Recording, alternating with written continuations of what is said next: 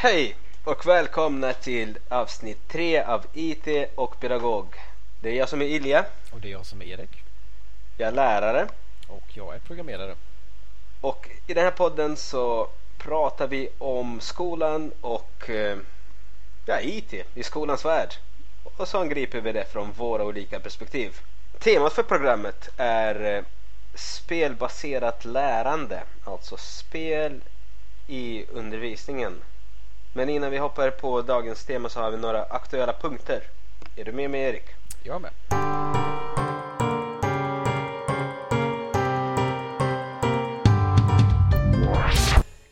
Jo, jag läste i skolvärlden en liten notis. Rubriken är Den digitala hjärnan. Och jag blev provocerad och eh, tog kort på det och skickade till dig. ja, jag, jag, jag, jag fick det ja. Blev du också provocerad?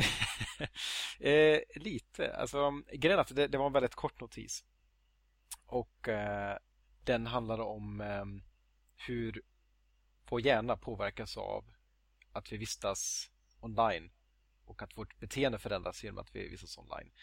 Eh, mm. sen eh, efter att vi hade diskuterat det här och varit mäkta arga upptäckte vi att det finns en mycket längre artikel som förklarar mycket mer utförligt.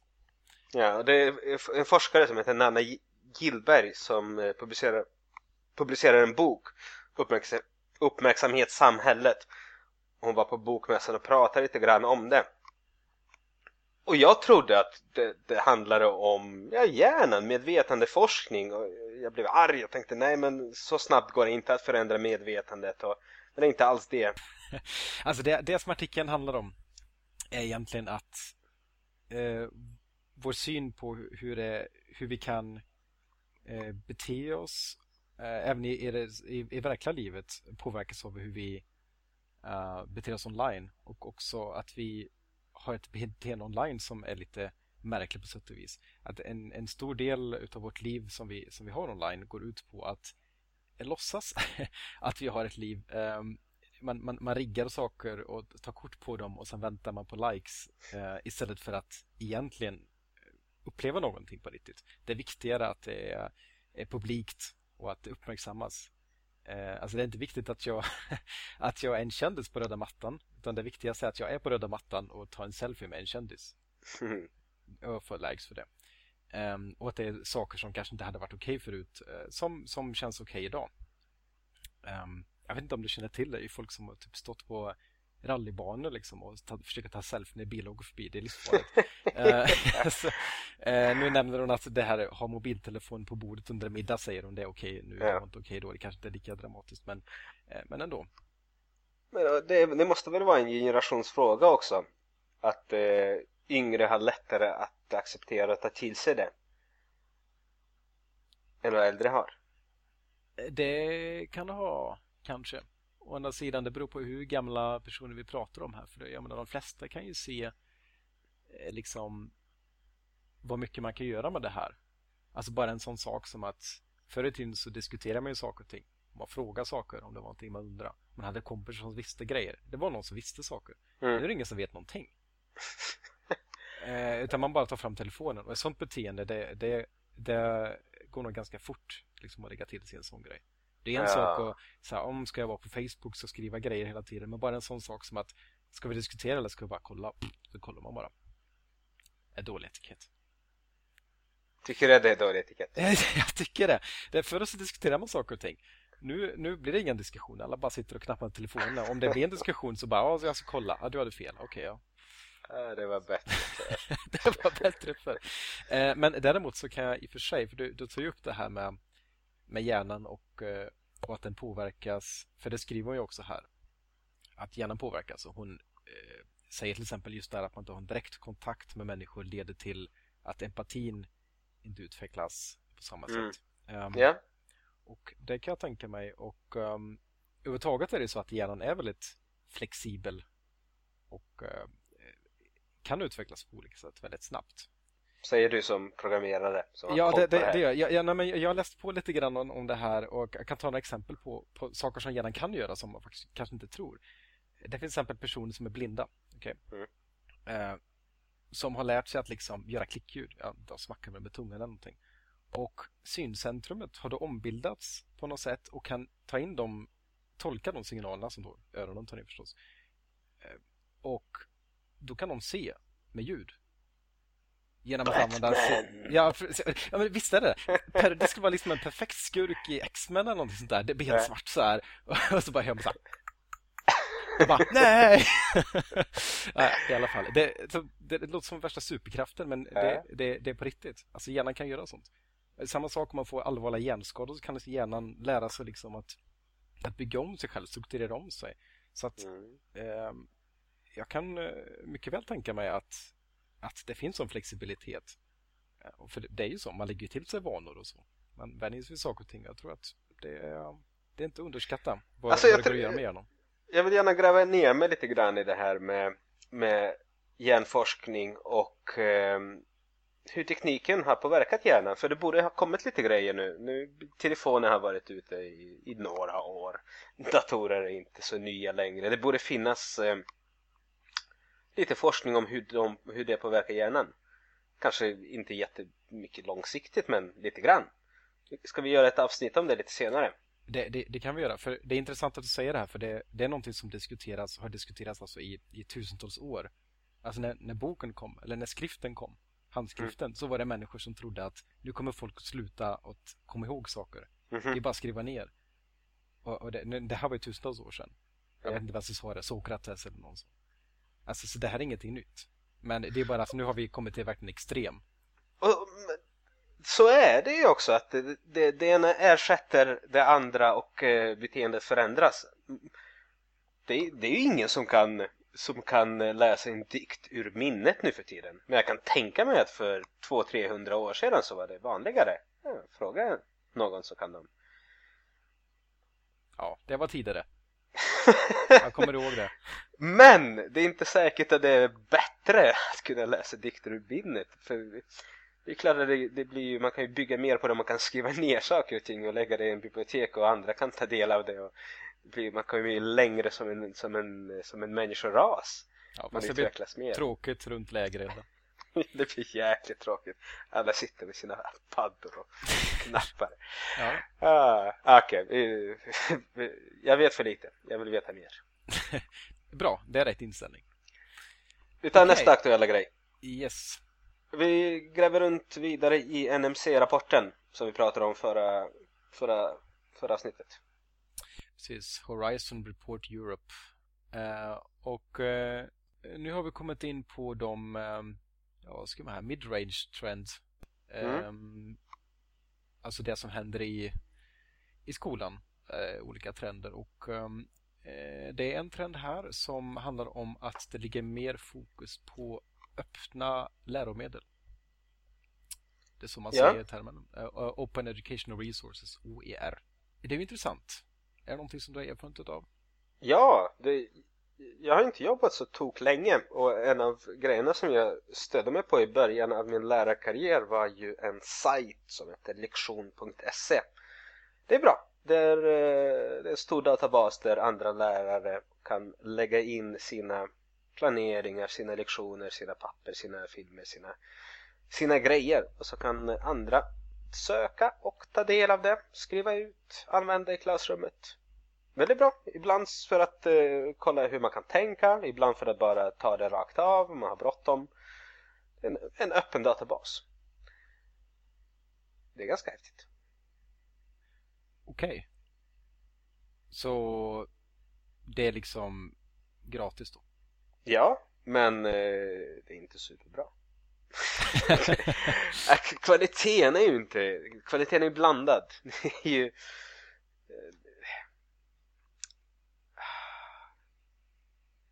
det är inte alltid jätteknutet till läroplanen det är inte alltid mm, korrekt information det, det, det är ju det att eh, det är inte granskat av någon annan än andra lärare och det sättet som man granskar det på är typ man, man ger likes och eh, så kan man ju ta ah, den filen som har fått mest likes, den kanske man tar först.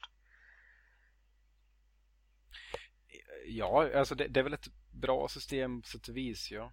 Men det vore ju bättre kanske om man hade um, alltså på samma sätt som man skriver liksom standardiserade läroböcker i princip. Att man då skrev läromaterial som då var av samma kvalitet. Och sedan kunde man ju förstås bedöma och lika det materialet. För visst är det så att ibland så tycker man ju kanske när man håller på att jobba med en mattebok eller någonting att man är övertygad om att det finns fel i den. Mm. Eller man vet inte så noga. eller det är saker som man kanske bara upplever som obegripliga. Det är saker som man väldigt lätt på i sådana sammanhang skulle liksom kunna ta upp och bara hur är det med det här? Mm. Diskutera. Men, du, du, du, pratar om någon typ av wiki-system? Eh, ja, alltså nu vet jag inte riktigt hur, hur det är det som du har här. Går, kan vem som helst redigera eller funkar? Nej, man lägger upp, man eh, lägger upp en pdf. Okay. Eller en, en färdig fil som inte går att redigera. Okay. Eh, ja, alltså det, det behöver inte vara så... Alltså Wikipedia funkar ju till exempel eh, med det där att alla kan redigera och det kanske vore en, en god idé att ha någonting i den stilen. Jag ser det kanske inte som jättenödvändigt men huvudsaken är att man kan vara med och påverka och ge ett feedback som är väldigt direkt. Sen om man har en grupp redaktörer eller liknande som fixar det, det, det kanske inte har så mycket med saken att göra. Mm. Men det känns ju lite förlegat på sätt och vis. Inte, inte helt, för böcker har fortfarande stora fördelar, men eh, alltså boken kommer ju från att det är en, det är en teknologi. Precis ja. som internet och datorer är teknologier. De, som har vissa begränsningar. Ett problem med en bok är att om, om du gör en bok, ska göra en till så kostar det att göra en till. Mm. Men eh, att distribuera digitalt material, det kostar ingenting. Nej, alltså i, i rapporten, i NMC-rapporten så skriver de lite grann att målet för eh, de här öppna läromedel OER att eh, de inte ska vara de inte ska bara vara gratis. För det är så många människor tänker på sådana öppna läromedel, att det är gratis. Det är inte, men det är, inte, det är inte bara det som är styrkan utan det ska vara fritt att kopiera. Det ska vara fritt att eh, remixa det, blanda om, klippa om, klippa och klistra, ta det man behöver. Man ska kunna anpassa det till olika kulturer. Och det ska inte finnas några gränser till att, för att öppna, dela eller använda det. Och det är ganska stort för om vi bortser från böcker och tänker på de digitala läromedel som produceras av förlag de är oftast knutna till en hemsida eller till, en, till ett visst format. De är väldigt, väldigt stängda.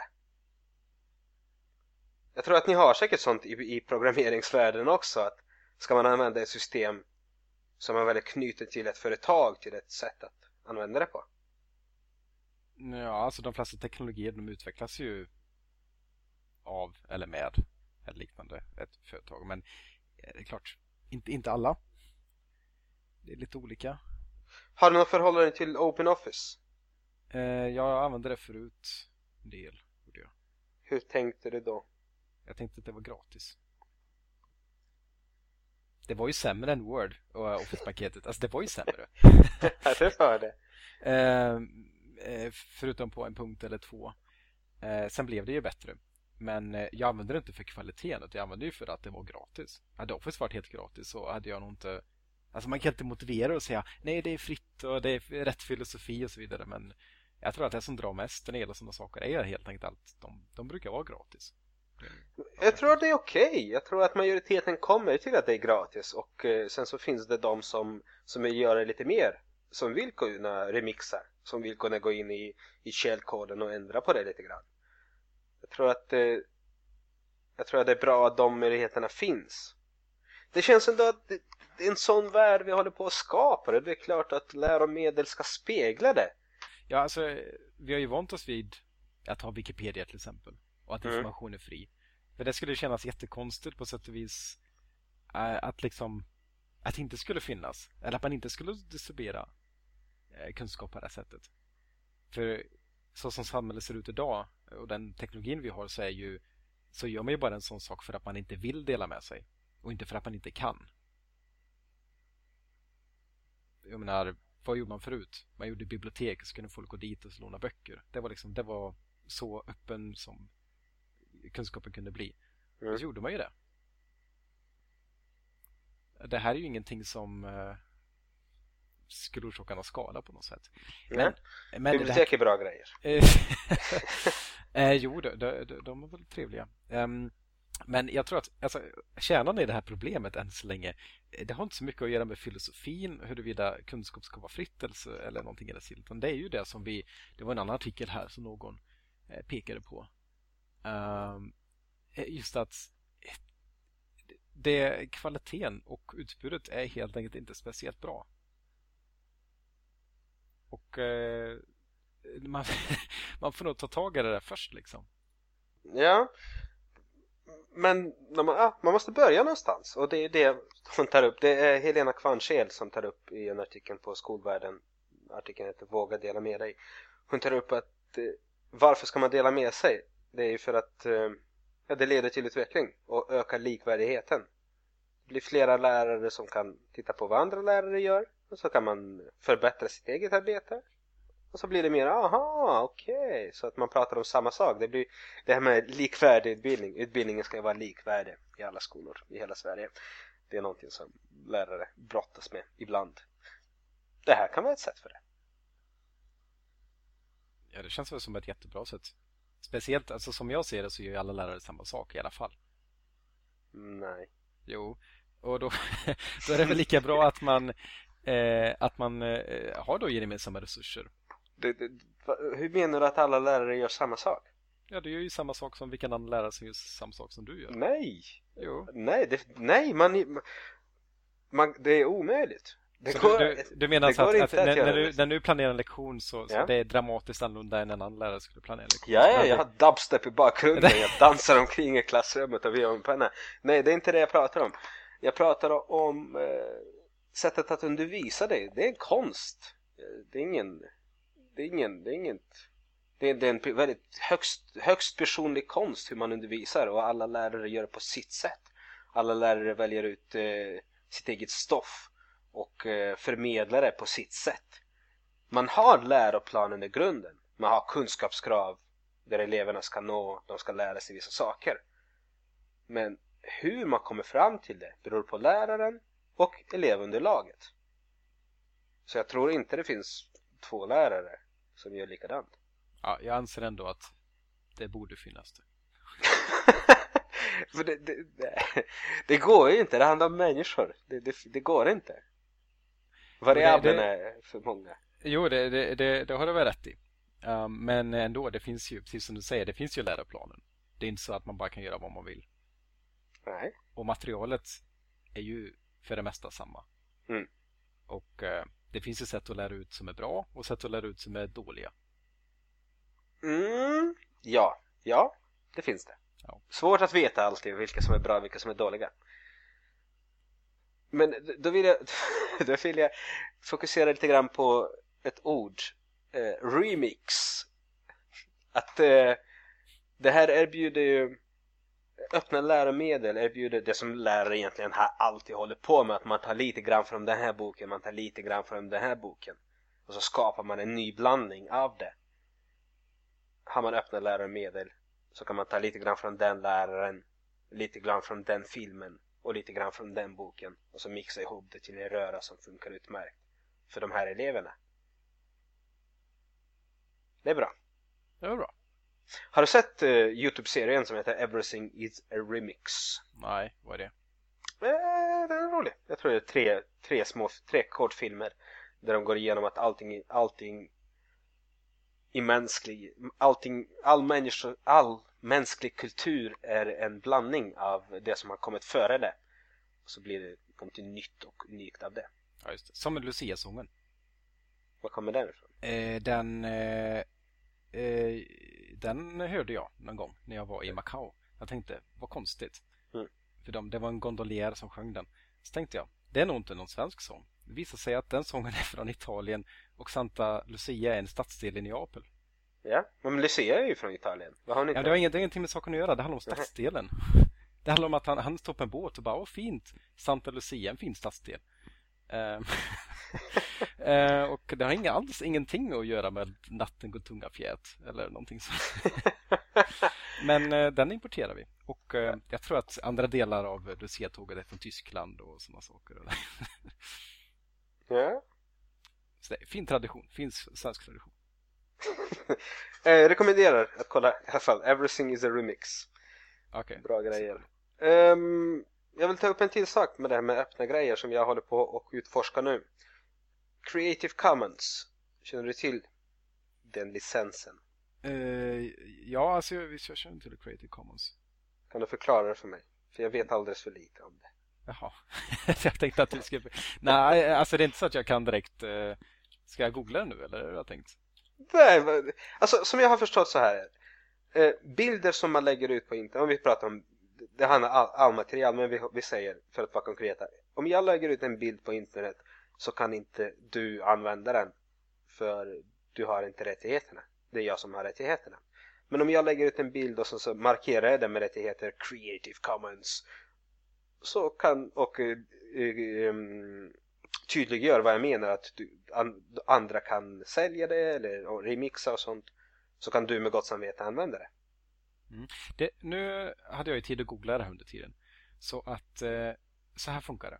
Alltså Creative Commons, eh, det finns olika eh, licenser för Creative Commons. Det finns till exempel den eh, som du menar nu, Attribution eh, License. Där liksom är Distribute, Remix, Tweak, Build upon Commercially, bla bla bla. Alltså alltihop. Mm. Ända ner till... Ja, det finns lite olika.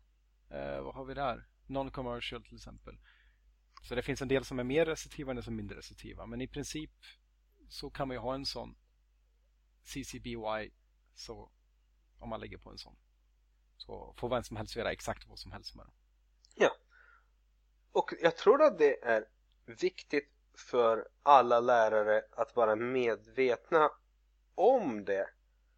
För man tar ju grejer från internet. Man tar ju bilder från internet. Vi har ju smartboard i varje klassrum. Så det blir väldigt lätt. Okej, okay, nu, nu, drar vi fram. Vi pratar om lejon. Och då googlar man efter lejon och bara oh, titta här lejon. Uh. Jag kan ja. skriva ut den bilden. Ja, okay. Och så skriver man ut den bilden. Och så gör man ett brott. Så kommer, ja, det, det, kommer, det, ja, precis. Nej, men det är mycket allvarligt brott. Det är mycket ja. allvarligt. Och, eh, för att jag tror det, man gör det för att man tänker det är internet. Det är väl okej. Okay. Det är bara att tuta och köra. Och så vet man inte några andra alternativ.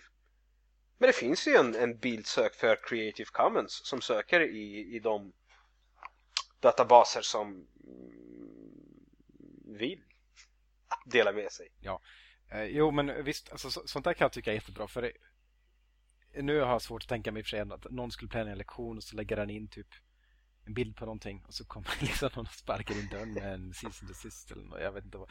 Men sånt, sånt där händer nog inte riktigt men för att vara på den säkra sidan så är det klart att jag menar, det finns ju många bilder som, som folk bara vill dela med sig. Mm. Så släng upp dem på ett sånt här ställe. Det är väl skitbra. Så vad som helst kan använda dem.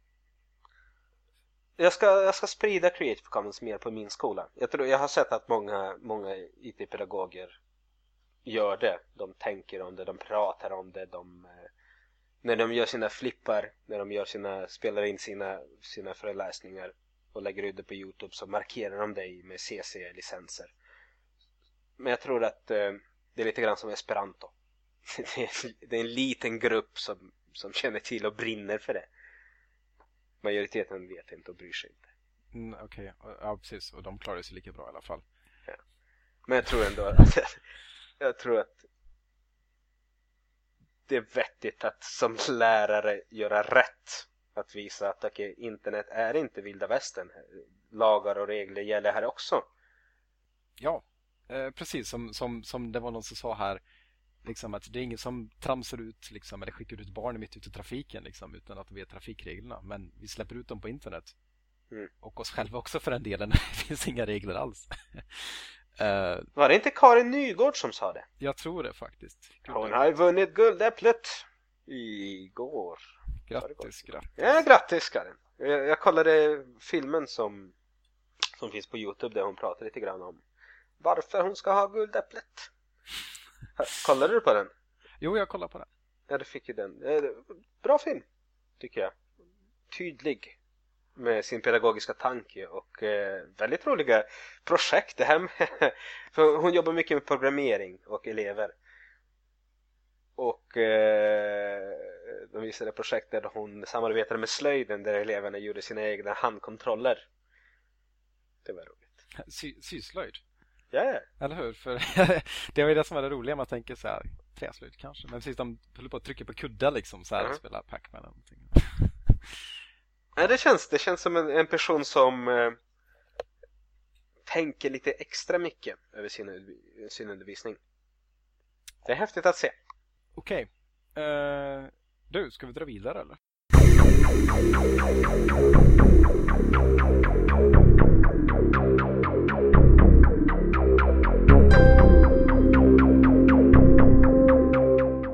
Då har vi kommit till dagens ämne.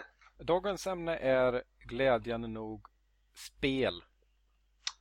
Spel. Hur kan man använda spel i skolan? Vad, vad tycker du om begreppet eh, spelbaserat lärande? För vi pratade förra avsnittet pratade om spelifierat lärande. Ja, precis. precis. Eh, det här är ju då tvärtom så att säga. Då handlar det om att ta verkligheten och göra det till ett spel. Mm. Nu handlar det om att ta ett spel som är gjort för att vara kul och göra det nyttigt och roligt samtidigt. Jag kommer ju ihåg det första spelet tror jag. Nej, det var väl inte första spelet, men eh, eh, Matte katten, känner du till det? Nej. Nej. Ehm, för det, eh, man kan ju börja den kategorin spel som kanske är lite mindre mindre roliga helt enkelt. Alltså det finns eh, ganska typiska kategori, kategorier i kanske mattespel och språkspel. Alltså, Tycker du att de är mindre roliga? ja, alltså det, det är klart det går att göra sån här mer roliga men det är ganska enkelt att göra ett mattespel eller Mm. ett språkspel. Um, alltså mattekatten var ju liksom en det var en bild på en katt. Så blir katten glad när man svarar rätt och ledsen när man svarar fel. Mm. Typ sådana grejer. Eh, Babbel kanske du känner till? Är det, man lär sig olika språk? Ja, precis. Mm. Ehm, det finns ju, finns ju som app och, och sådär. Ehm, och det är rätt så schysst tyckte jag egentligen. Uh, vad man kan, man kan göra väldigt simpelt. Ehm, alltså man får ju feedback på en gång och ehm, det finns även sådana saker som man kan göra på en, på en dator eller på en, på, en, på en telefon väldigt enkelt som är svårt att göra på papper. Alltså man lär sig efter ett tag på ett papper typ vilken ordning saker kommer i och så lär man kanske ordningen på ord och så lär man sig vissa övningar. Men den där kan ju till exempel kasta om var orden var någonstans så man inte kan komma Mhm. ihåg sånt. Och så kan även blanda saker, att den kan eh, lyssna när man pratar, den kan själv prata, den kan visa text, man kan själv skriva text och så vidare. Det blir väldigt flexibelt. Alltså, du, du, du pratar om pedagogiska spel nu. Spel som, är, som har en pedagogisk tanke. Den marknaden har ju fullständigt exploderat. Det, det, går, ju, det går ju kurser i det. I, hur man, för spelutvecklare, hur man ska kunna göra ett pedagogiskt spel. Det är ju stora pengar vi, han- vi pratar om där. Bara Får man- mattekatten. Eller stora pengar. Det är enorma pengar. Paketerade fint och släppte på en padda. Så enorma pengar. Eh, Det är en stor marknad. Jag vet inte, Mattekante var kanske bara början på det men jag kan tänka mig att de, de sålde in det när de, för de sålde Stötte du på det i din skola? Eh, ja, alltså det här var, det var länge sedan. Det var ju Mm. ganska tidigt 90-tal kanske. Och de sålde antagligen till kommunen. Var någon kommunchef som sa ah, det här med multimedia är bra, vi har multimediedatorer och så kommer det någon Jeppe, ja vi har det här, Mattekatten, bra grejer. ens, vi hade nog inte ens multimedia. Eh, men du förstår att det handlar om stora pengar. Kan man sälja in, man säljer ju inte det till en skola, man kan ju sälja det till en kommun. Och det är en Det kan jag mycket väl tänka mig. stor marknad. Och det tycker jag, det kan vara bra. För det som du tog upp med, med, med Babel, att Babbel. Babbel. Det fokuserar medvetandet åt ett visst håll. Eller med matte, mattespel, att man fokuserar, nu, nu jobbar vi exakt med det här. Och så kan man bli bra på exakt det där. Och inte på någonting annat. Det är kraftfullt. Ja, det, det är bra. Och det, det är också rätt så kul. Alltså det, det är ju roligare att göra en sån här grej. Jag skulle aldrig sätta mig och liksom fylla i en stencil sådär på fritiden. Men att ta fram en sån här app och plippa lite grann, det, det går faktiskt. Det känns lite roligare. Ja. Och det finns ju spel i allt möjligt. Vi testade ju Algebra-spelet, Dragonbox. Ja, visst. Det är grymt. Jag, jag, jag satt och körde igenom alla, alla. Jag tog den enklare versionen, det plus. eh, Det finns en för yngre barn Ja, är det typ- äldre. Ja, jag tog 12 plus tog jag. Och så finns det väl en, jag vet inte vad, 8 kanske. jag kanske tog nog 8 plus. Ja. För de lite yngre barn. Den körde jag igenom på typ två kvällar för det var så roligt. Ha, jag körde igenom min på, min på en kväll, ska jag säga. Eh, har du barn eller? det, var en, det var en lång kväll. Um, nej men det, det är kul. Uh, nu ska se, jag, ska, jag, vill bara förklara lite om hur spelet fungerar för de som inte vet. Ja. Uh, alltså, jag, alltså, grafiken är ganska mysig och gullig. Det är lite grann som det här eh, Cut Rope fick jag känslan av. Alltså lite så här mysig musik och så här mysiga figurer och sådär. Eh, och det handlar ju då om, att eh, egentligen att förstå liksom, att lösa ekvationer helt enkelt. Och X representeras av eh, en, en låda, en drake i en låda. Och variabler representeras av, av andra djur.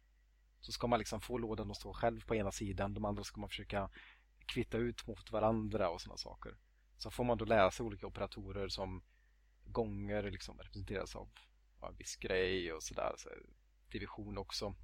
Och det är representationer som är väldigt visuella och enkla. Sen efterhand som man spelar så ersätts de av siffror plus minus gånger så att man går från att hålla på lite med små tecknade gulliga djur till att gå till ekvationer som är riktigt komplicerade och som bara är liksom siffror och bokstäver. Mm. Gradvis. Jag tror nog att det kan vara alltså, det blir lite svårt framåt slutet blir det. Men det är, det är kul spel. Alltså det är spel som man bara kan spela för att det är kul. Mm. Men man känner ju liksom att det är visst man lär sig nog någonting. Ja. Uh, jag, jag, har lite problem med sättet de försöker sälja in spelet på. För det står typ med, med stora bokstäver. Uh, barnen kommer inte att veta, de lär sig någonting. Jag tycker att ibland när det pratas om pedagogiska spel så pratas det så mycket om att det ska vara så kul! Och eh, inlärningen ska vara mer mm, kanske inte sekundärt men inte så tydligt. Jag tycker inte man ska vara rädd för inlärning. Men jag är vuxen och jag är lärare. Eh, jag kan, jag kan förstå att kanske som barn så tittar man på det här, på vad är det här, mattekatten. Eh, nej, jag går och dödar folk i Doom istället. Eh, förstår du vad jag menar? alltså, det, det beror ju på vad det är för typ av spel och vad det är man vill lära ut. För jag, jag tror att sådana saker som matte och språk det, det, tar liksom tid. Och det, det är svårt. Jag tror, alltså Dragonbox kanske kan hjälpa lite grann. Men eh, det finns så många andra kategorier av spel som kan, som kan lära ut mycket annat som man kanske inte kan lära sig så bra med, liksom med, med papper och penna. Som vad då? Som eh, till exempel eh, jag kör vidare med, med mina spelrecensioner här. eh, för jag, jag lirar lite Kerbal Space Program. Mm. Här i veckan. Väldigt roligt och inspirerande. Ehm, det som det handlar om är att man har Alltså det är ett sorts fiktivt rymdprogram eh, som handlar om att ja, alltså man kan ta sig ut till olika planeter men primära målet är kanske att ta sig till, till månen. Man är på en, på en eh, jordliknande planet den är mindre än, än jorden så att det inte blir så mycket att hålla koll på. Så man bygger en raket Eh, och då kan man bygga en raket som man bygger en raket på riktigt. Alltså en, en, en flerstegsraket då, med steg som, som man får liksom eh, dela på. Liksom. Man kan bygga en landare och sådana saker. Och sen så finns det siffror på alltihop där, så man får räkna. Liksom, att blir den för tung raketen? Är det, är det för lite eller för mycket bränsle? och sådär. liksom. så börjar man bränna på det där. Och det är en fantastisk känsla liksom, att, och dra ut liksom, upp i atmosfären och så bara lösa ut steg efter steg och så lyckas precis pressa upp sig liksom, i omloppsbanan så ligger man där och så bara orket. Okej, okay, man kommer inte man kommer ingen vart sen om man har slut på bränsle. Men då får man tänka så mm, okej, okay, hur ska jag kunna komma ut hit och ha lite mer bränsle? Och, och just några saker om hur, hur fungerar sen med en omloppsbana? Det är ingenting som vi pratar om i skolan direkt. Alltså jag, jag trodde att det var så här. Jag ska säga vad jag trodde. Det här låter mm. barnsligt nu. Men jag trodde att det var så här. När de åkte till månen, eller när man ska åka till månen, så, så siktar man liksom typ mot månen. Eller man kan ju lägga sig mot spanan om man tycker det är kul. Jag har aldrig fattat varför förut. Men så lägger man sig där och så siktar man typ när man ser månen så bara gasar man som jäsiken och så kör man det på månen. Missar man nu månen, då flyger man rätt ut i rymden. Så, så är det med det. Men så där är det inte alls. Utan det man gör är att man, man lägger sig liksom på baksidan av av, av jorden så att säga. mer eller mindre, och ger massa gas. Och då befinner man sig då vid periapsis som det heter. Och då ser man liksom hur det är det, som, det är det som jag tycker är så schysst med det här. Att man ser så tydligt hur ens omloppsbana liksom dras ut på andra sidan då. Apoapsis kallas den sidan som är högst. Och den, liksom, den går hela vägen upp. Ser man där, nu, där, nu är den lika hög som månen. Då har man en så kraftigt elliptisk bana. Mm. Så kommer man runt den och kommer ut dit. Lägger man sig baklänges, bromsar och så puff, lägger man sig runt månen.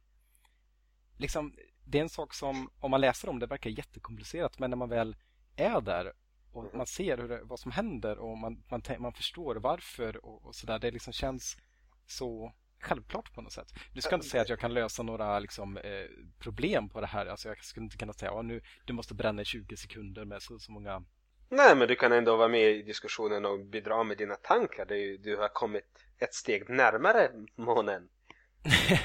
ja, och jag tror också att om man skulle få då en, en, en ekvation eller ekvation, alltså någon formel någonting som, som beräknar liksom typ hur länge måste man bränna för att utveckla sin, sin bana så, så mycket. Då skulle jag i alla fall förstå vad det här gjorde och, och, och jag skulle förstå från det hållet istället för att mm. så som det blir i skolan ibland att det känns som att man förstår inte problemet sen får man en formel och sen så börjar man läsa och så börjar man räkna och så får man ihop det där men man vet inte riktigt vad, vad det är som är så häftigt. Mm. Nej, det, det, är fantastiskt med simuleringar med dator. Eh, är det ett spel? Skulle du säga det är ett spel? Eh, det är interaktiv spel. media. Ja, jo, det, det, det är väl spel får man väl säga. Vi kallar Men, det för spel. Vi behöver, ja. inte, vi behöver inte krångla till det. Eh, jag tycker det är fantastiskt med, med, med simuleringar och spel som kan erbjuda svåra saker som kan göra svåra saker begripliga. Man kan fokusera på, ett, på, på, på en viss sak. Det finns eh, brosimulatorer. Det fanns det på, på min tid också. när jag var liten eh, så fanns det, man skulle bygga en bro så skulle en eh, lastbil åka på bron. Och så byggde man bra så höll den, byggde man fel så höll den inte. Ja, det, det, är rätt intressant det du säger nu för att vi gjorde en liknande sak i skolan. Alltså vi skulle bygga en riktig bro. Då. Mm. Det konstiga var att läraren sa typ så här. Ja, nu ska ni bygga en bro. Dela upp er i grupper och bygg broar. jag typ så här, vad, vad, ska man... Och det var så oklart vad målet var liksom.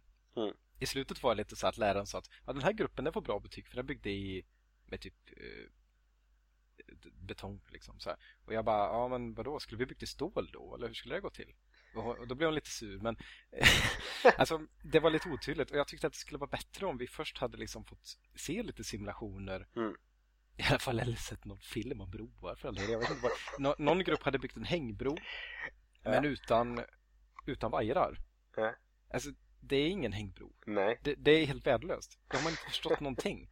Och, och, jag tror att det var det som lite var problemet. Men hade man hållit på och spelat lite, lite jag vet inte vilket du spelar, men Pontifex fast ett som hette och så vidare, så här brobyggarspel. Då hade man förstått vad linjerna är till för. Och man hade förstått vad som ja. händer när inte de är där. Ja. men eh, bara så där, så det, det, har man inte tänkt på så noga. Ja, det, det är häftigt. Det är jättehäftigt det finns. Det finns simulatorer för eh, alla olika fordon. Det finns simulatorer för att vara bonde. Det finns, det finns så mycket.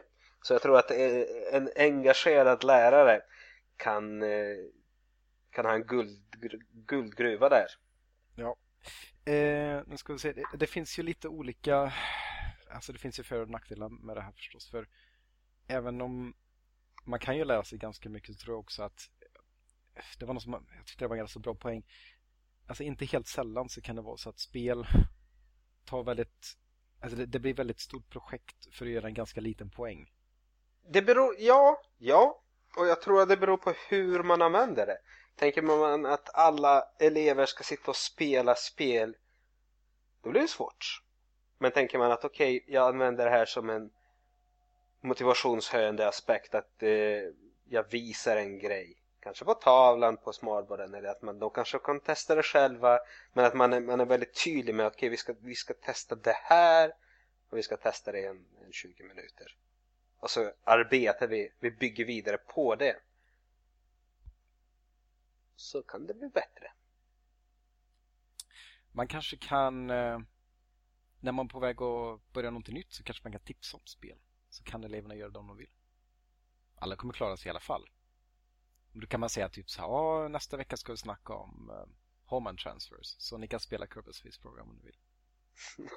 Och sen säger man ingenting mer om det. Men en del kommer att spela det och de kommer Ja. att tycka att det är jättekul.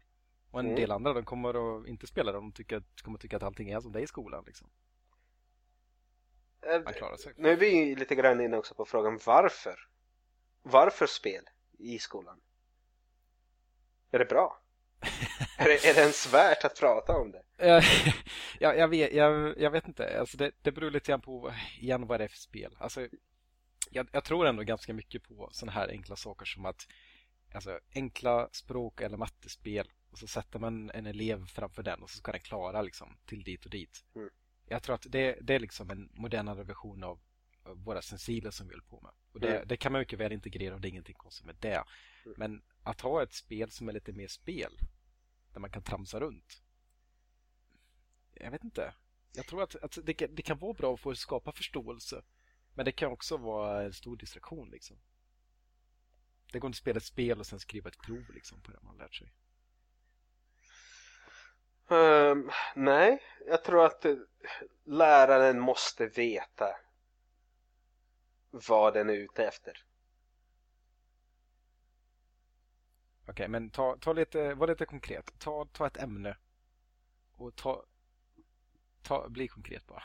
Okej? Eh, Civilization är ett spel, ett strategispel, turordningsbaserat. Det är lite grann historiesimulator. Man börjar som stenålders...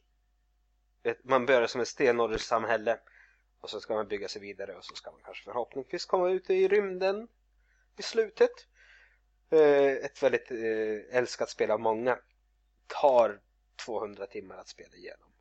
Väldigt komplicerat. Och jag läste om en lärare som använde det i undervisningen med vissa twixar att eh, det var läraren som spelade det, de andra eleverna tittade på läraren spelade en runda i taget och innan, under varje runda så diskuterade de med eleverna vad ska vi göra det här nu? Ska vi satsa på att eh, utveckla infrastrukturen? Ska vi satsa på att eh, ha krig med, med den här stammen eller vad ska vi göra? Och så satte de ett mål att efter 20 rundor så kollar vi. Vilka konsekvenser har, har de historiska vilka historiska konsekvenser har det kommit? Vad har, vad har vi gjort? Vad har vi orsakat? Vad har vi skapat? Och det blev väldigt tydligt och det blev väldigt bra diskussioner kring teknik och historia och samhälle. Är det konkret nog? Skrev de prov sen direkt och fick Det kan man göra tror jag. Jag kan tänka mig att man kan skriva prov om det och, och eh, säga okej, du har ett eget land och eh, du har de här utmaningarna. Hur skulle du hantera det? Det går att göra och så har de det färskt i minnet kanske samtalen som de hade och konsekvenserna av det. Sen så är det kanske är det inte på riktigt. Eh, händer det saker och ting som inte riktigt är på riktigt så måste läraren kunna säga okej nu, nu blev det lite tokigt här. Alltså, på sätt och vis kan jag tycka att det, det låter som, ehm, som om det skulle kunna bli en, en rätt så viktig del egentligen av ett modernt lärande. För det, det känns ju så nu i den moderna skolan att man vill inte gå så mycket på det här att man ska kunna saker utan till liksom. Mm. Utan det, det handlar mer om att se samband och ja. förstå och sådär. Ja, jag, jag håller inte med dig. Jag tycker att det är, nej, men jag tycker det är löjligt att man ska säga att man inte ska kunna saker utan till. Eh, Kan du inte saker utan till så är du dum i huvudet. Det, du måste, ja, men det är klart, alltså kan du inte multiplikationstabellen så blir matte så mycket svårare. Kan du inte räkna 6 gånger 6 i huvudet och måste ta fram miniräknaren så är du ju handikappad. Kan du inte kan du inte i Europas huvudstäder så blir det lite svårare att hänga med i nyheterna. Det, det, man blir handikappad om man inte kan vissa saker utan till. Så jag tycker inte man ska, man ska säga så. Sen så är det såklart att det är lite mindre fokus på det, men jag tycker inte att man ska helt och hållet ta bort det. Det är viktigt att kunna saker utan till. Okej. Har du något att säga om det eller? Eh, nej, det är väl bra att kunna saker utan till. Man kan väl ha lite av bägge kanske. Ja, ja, det är klart att det är klart att det är inte det som är det primära att man ska kunna rabbla upp multiplikationstabellen utan det är ju vad du ska, vad du ska göra med matte, vad du ska göra med, med namnkunskap och geografi. Det är det som är det viktiga men du måste ju ha baskurs, du måste ha en grund att stå på. Eh, ja, okej. Okay. Eh, det var ett par spel till som jag ville ta upp här som jag tyckte var kul. Jag vill prata om Minecraft. För all del. Um, för det dyker ofta upp. Det, dels är det ju jättepopulärt hos uh, dagens ungdomar. Det är stort, det är många som spelar det, det, är, det lockar fram kreativitet och skolorna vill gärna in och äta på den kakan. Ja. Du har ätit på den kakan. Var det, var det gott? ja, jag blir lite förvånad över egentligen hur kul det var att spela Minecraft för det ser ju otroligt töntigt ut. Alltså grafiken är ju dålig. Den är väldigt blockig. Allting är liksom block. Man samlar block genom att slå på dem. Det ser jättetöntigt ut. Det finns djur som ser helt orealistiska ut och så vidare. Det, det, det, det ser, i alla fall om man bara ser spelet så tänker man vad är detta skräp? Men så börjar man spela. Man börjar märka liksom vilken flexibel värld det är. Liksom. Det går att göra allt. Så man börjar liksom gräva och man börjar hitta saker så upptäcker man att mm, det finns olika resurser och man kan bygga saker. Så kan man bygga en sån och har man en sån så kan man bygga en sån. Jag har byggt en hacka. Kan jag hacka med den hackan? Eh, och sen så märker man så mm, kanske det kommer monster. Och tänker man, hur ska jag lösa detta? Mm, jag vet, jag bygger ett hus. Och så den här grejen jag byggde där, nu kan jag, och, och det, byggde jag en dörr. Så satt jag, och titta nu. Och så känner man sig så här bara, wow, det är min, det är min värld, jag kan göra vad jag vill här. Så, så nu ska jag utforska, man, man blir väl, verkligen motiverad liksom att utforska och och, och uppfinna känns det som. och det är kul. Alltså det är bara några grundläggande eh, ja väldigt grundläggande spelmekanik egentligen. Men eh, resten där så sitter man där och man har liksom byggt ett hus och man, börjar, man har odlat grejer och sådana saker. Och sen går det att bygga mer avancerade grejer efter ett tag. Ehm, liksom maskiner som, som, gör, som, som gör saker och ting. Det finns hur mycket som helst sånt där på nätet. Folk som hittat på där man odlar, hur ska man skörda? Då går det att bygga maskiner som skördar och sådana grejer. Um, alltså man känner sig verkligen kreativ och man känner sig smart. Men man är ju dum.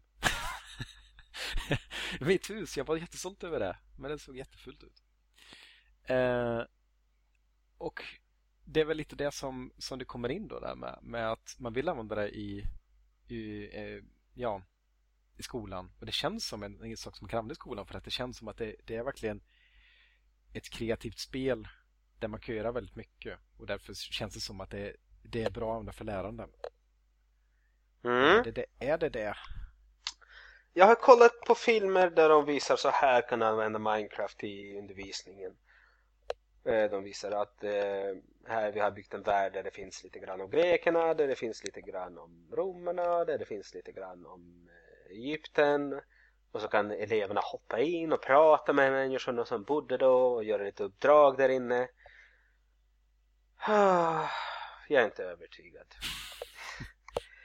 Men alltså, jag, jag, kan, jag kan se styrkan i att man placeras in i en värld. Det är ju samma sak som ett, eh, som ett eh, rollspel i ett klassrum. Det finns en styrka i det. Att, att rollspela, att, att uppleva det. Det är jättebra. Men ja, du var ju inne på det tidigare att eh, det kanske kostar mer än det smakar. Att hur lätt är det att få in en, ett helt klassrum in i ett spel och att få dem att, att lära sig det man vill och att få, det, att få dem att tycka det är intressant och att, att de ska klara av det. Alltså styrningen i ett spel är inte, det är inte så lätt. Att styra med tangentbord och mus, man måste öva ett par år på det för att bli bra. Det finns många utmaningar vad, vad, det som du har sett, vad, vad, gjorde de då konkret i spelet? De eh, besökte vad heter den? Alltså för jag menar bara trams, tramsa runt i en värld, det känns lite grann Nej måste... men de hade lite quest, okej okay, hej kan du hitta Alexand kan du hitta vänta, ljustornet i, är det Alexandria? Det är väl det ja. Kan du hitta, kan du hitta, högst upp så finns det någon där så skulle man gå upp och prata med den som finns högst upp och det var han som byggde den och så gav han en quest. Kan du gå och prata med typ Sokrates? Och så går man dit och så ska man läsa på lite skyltar. Så det, det, var, det var någon, jag antar lärare eller några som hade skapat den här världen just för att använda den i historieundervisningen. Och så hade de lagt in lite quests. Okej, okay, alltså det är väl inte dåligt i och för sig. Det kan ju hända att om man, om man ser lite av världen eller känner liksom om man varit där på sätt och vis att man kanske känner sig lite motiverad att lära sig mm. mer. Det kan ju hända. Det tror jag absolut. Eh, jag såg en annan grej de har gjort med Minecraft. Eh, det var mer sådär att fokus på att bygga saker och liksom samarbete och så. Jag vet inte exakt vad målet är men då, då var det liksom att de hade verkligen satt upp att det fanns en marknad på ett ställe liksom och sådär och där kan man handla och det fanns olika stånd och sen så hade de liksom byggt eh, en, en järnväg liksom som gick bort till, en, till ett fartyg eller mm. till en hamn där och så kommer det in saker där och det gick ut saker och ting så att man hade liksom samarbetat då för att få ihop någon sorts kommers liksom på det här mm -hmm. Ja, det är häftigt. Jo, det är rätt så intressant. Men det, det är ju rollspel. Men fast eh, man har lite större möjligheter, det är lite lättare att bygga saker och ting. För så, eh, lärare använder ofta rollspel i klassrummet. Ja, när jag undervisar om eh, olika former, atomen, atomernas, ah, vattnets former, fastflytande och gas. Så tar man... Aggregationstillstånd. Ja, tack. Så tar man några elever och så säger man, eh, så kan man ta en hel klass och så säger man okej okay, nu är det kallt. Och ni är vattenmolekyler. Nu är det kallt och vi är i fast form. Vi alla håller ihop oss, håller ihop oss. Det är kallt, kallt. Nu blir det varmare. Det blir flytande form. Nu får ni röra på er lite grann. Nu är det gasform, det är jättevarmt! Oh, nu får ni springa runt! Oh. Och så kan man koppla det sen vidare till en bild och prata om hur molekylerna rör sig. Och så minns de lite grann, det sitter i kroppen de här rollspelen de använder. Vad ler du åt? Kan du, inte, kan du inte bara koka is eller något? Men det, det är en sak att titta på det, det är en annan sak att uppleva, att göra det. Och atomer och molekyler är så abstrakt, man ser ju inte dem. Koka is. Nej, men du, du ser ju att isen, det är inte mycket is, den, den är ju bara is. Sen så när sen, sen bara blött, är den borta. Då tänker man så här, ja. Ah, kroppen! Det är viktigt att, att, att, att, hela kroppen engageras, det är viktigt att man är med. Jag, alltså, att... jag, jag, kan hålla med om att det, det Alltså ju mer relation till någonting som man har och, och liksom, ju mer man varit, varit med om det desto mer jag tror att man kommer ihåg det. Alltså på, mm. av flera olika anledningar. Det, en del säger ju det att man, man lär med kroppen. Alltså kroppens position när man lärde sig någonting har, har betydelse. Överhuvudtaget sådana saker som att, att man, man har varit med om någonting. Man kan koppla det till någonting. Mm. Det är ju saker enklare. Alltså, jag skulle ju aldrig till exempel, en del personer blandar ihop Vänern och Vättern. Eh, mina föräldrar har sommarstuga över Vättern. Jag skulle aldrig blanda ihop det med Vänern. Det, det, finns inte i min värld. Men eh, det är klart, nu skapar det någonting konkret utav någonting som, ja, som de liksom varit med om. De kommer inte glömma det där, eller så gör de det, jag vet inte. jag skulle koka is. Nej, de, de, de, de hade ett test nyligen. Det, det här var ett eh, ett år sedan vi pratade om det och så hade de ett kunskapskontroll nyligen i kemi. Och majoriteten kunde det. De visade ett år efter så kunde de visa det. Okay. Och de kom ihåg. Um, Okej, okay. så Minecraft kan vara bra att uh, placera, eller spel, men Minecraft kan vara bra eftersom det är, så, det är så öppet. Det kan vara bra att placera elever i en miljö och få dem att uppleva den. Och det är väl ganska så mycket open source-aktigt att det finns andra som skapar världar som man kan hoppa in i, eller hur? Uh, ja, ja precis. Det, det, är rätt häftigt egentligen för det, det är också väldigt lätt att jobba med Minecraft. Jag vet inte om du har byggt jag har, byggt, jag har byggt en hydda i Minecraft. Men jag har spelat lite grann. ja, alltså det är det som är grejen. Alltså Minecraft är ju väldigt, det är ju simpelt. Och man, man, man kommer igång väldigt enkelt och förstår hur saker funkar och så. Men har du, har du byggt en, en, en 3D-värld med en 3D-editor liksom? Nej. Alltså, det går ju... På sätt och vis är det mycket lättare. För det är inte så att man får slut på block. Mm. Men eh, problemet är att man... Det, det, det, är lite, det blir väldigt komplext på en gång. Mm. Det är svårt. Medan det blir så, du har liksom världen framför dig i Minecraft. Du ser precis hur det blir. Man lägger ett block om på nästa block och så vidare. Och det gör att den här begränsningen, att det är så blockigt, blir en, liksom en tillgång för att det blir så lätt. Så lätt att förstå. Det blir kul. Så att vem som helst kan bygga med det där. Mm. Så ger man det till andra så kan de hålla på med det där. Problemet är för blockigheten leder ju till att allting blir fullständigt orealistiskt. Men det är okej, det, det, det är en modell. Vi har det i läroplanen. Att eh, man ska kunna undervisa i en av ämnena i alla fall. Man ska kunna visa på olika modeller av verkligheten. Så det är okej. Ja, men, men då, då pratar vi kanske igen om molekyler och sådana saker. Då. Nej, vi kan prata om allt. En bild på en räv är inte en räv. Det är en modell av en räv. Det är inget konstigt med det. Nej, men så, så där är det ju inte. Alltså, Jo, så är alltså, det. det, det, alltså det jag menar är, är det här. Om man, om man tar ett sofistikerat spel som Mm. inte är lika öppet, så Assassin's Creed. Eh, det finns ju flera olika Assassin's Creed. Ta till exempel tvåan är ju renässans och sådär va. Mhm. Och när man går omkring där det känns som det är liksom renässans Italien och Mhm. sådär. Eller? Ja, ja, det är häftigt. Man- man- man man, är, man är i Florens, Firenze och så kryper man omkring i byggnader. Jag var ju i Florens eh, kort efter den. Jag Ja, bara, erkänn, att du bara ville krypa omkring och hoppa mellan tak och grejer. ja, det är klart. Jag försökte känna igen. Jag bara, den här, den byggnaden. Den här. Ja, ja men det, alltså det, det, det, det engagerar ju liksom. Ja, ja, det gör det. Man kan placeras i en stad som i en, i en miljö, i en, i en historisk miljö som är väldigt häftig. Ja, precis. Och jag kände liksom också innan, även om jag bara spelat spelet för spelets skull, så kände jag ändå på något sätt att jag hade aldrig tänkt på renässansen speciellt mycket. Eller förstått en del, alltså jag visste, jag så här, hörde någon gång så åh, är renässansen bra, sådär. Men när jag spelade så kände jag på något sätt att jag hade blivit lite kompis med renässansen. Jag tyckte att det verkar vara en så schysst period liksom på något sätt. Och jag tror inte att jag hade känt samma sak om jag hade läst det där i en bok. Jag håller med dig. Absolut. Eller det beror ju på. Om man läser det i en... Det finns ju böcker och böcker. Om du hade läst det i en skönlitterär bok.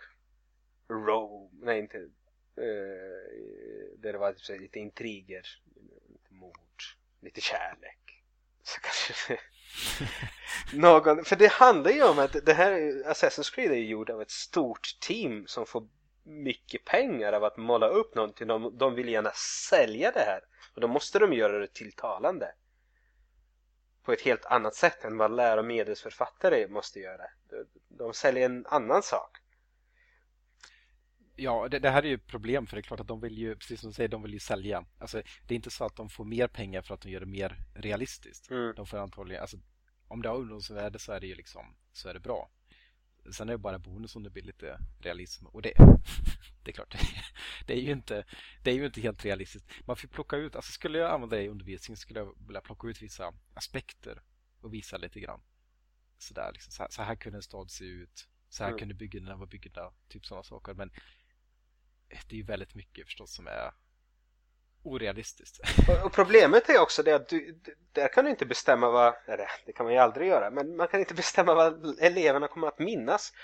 Och de kanske kommer att minnas att läraren klättrade upp för taket och stod där uppe och hoppade i en höstack. Eh, det kan, vara- det kan vara bra med spel att, att, eh, att kunna rikta uppmärksamheten mot en viss sak, men det är inte, det är inte säkert att det är det som händer. Ja. Ha, Okej, men om jag är lärare då och vill använda spel i undervisningen imorgon, vad ska jag göra? Uh, vad är det för ämne? Allt. Sä, säg att det är rymden. Ska det är rymden. Rymden, okej.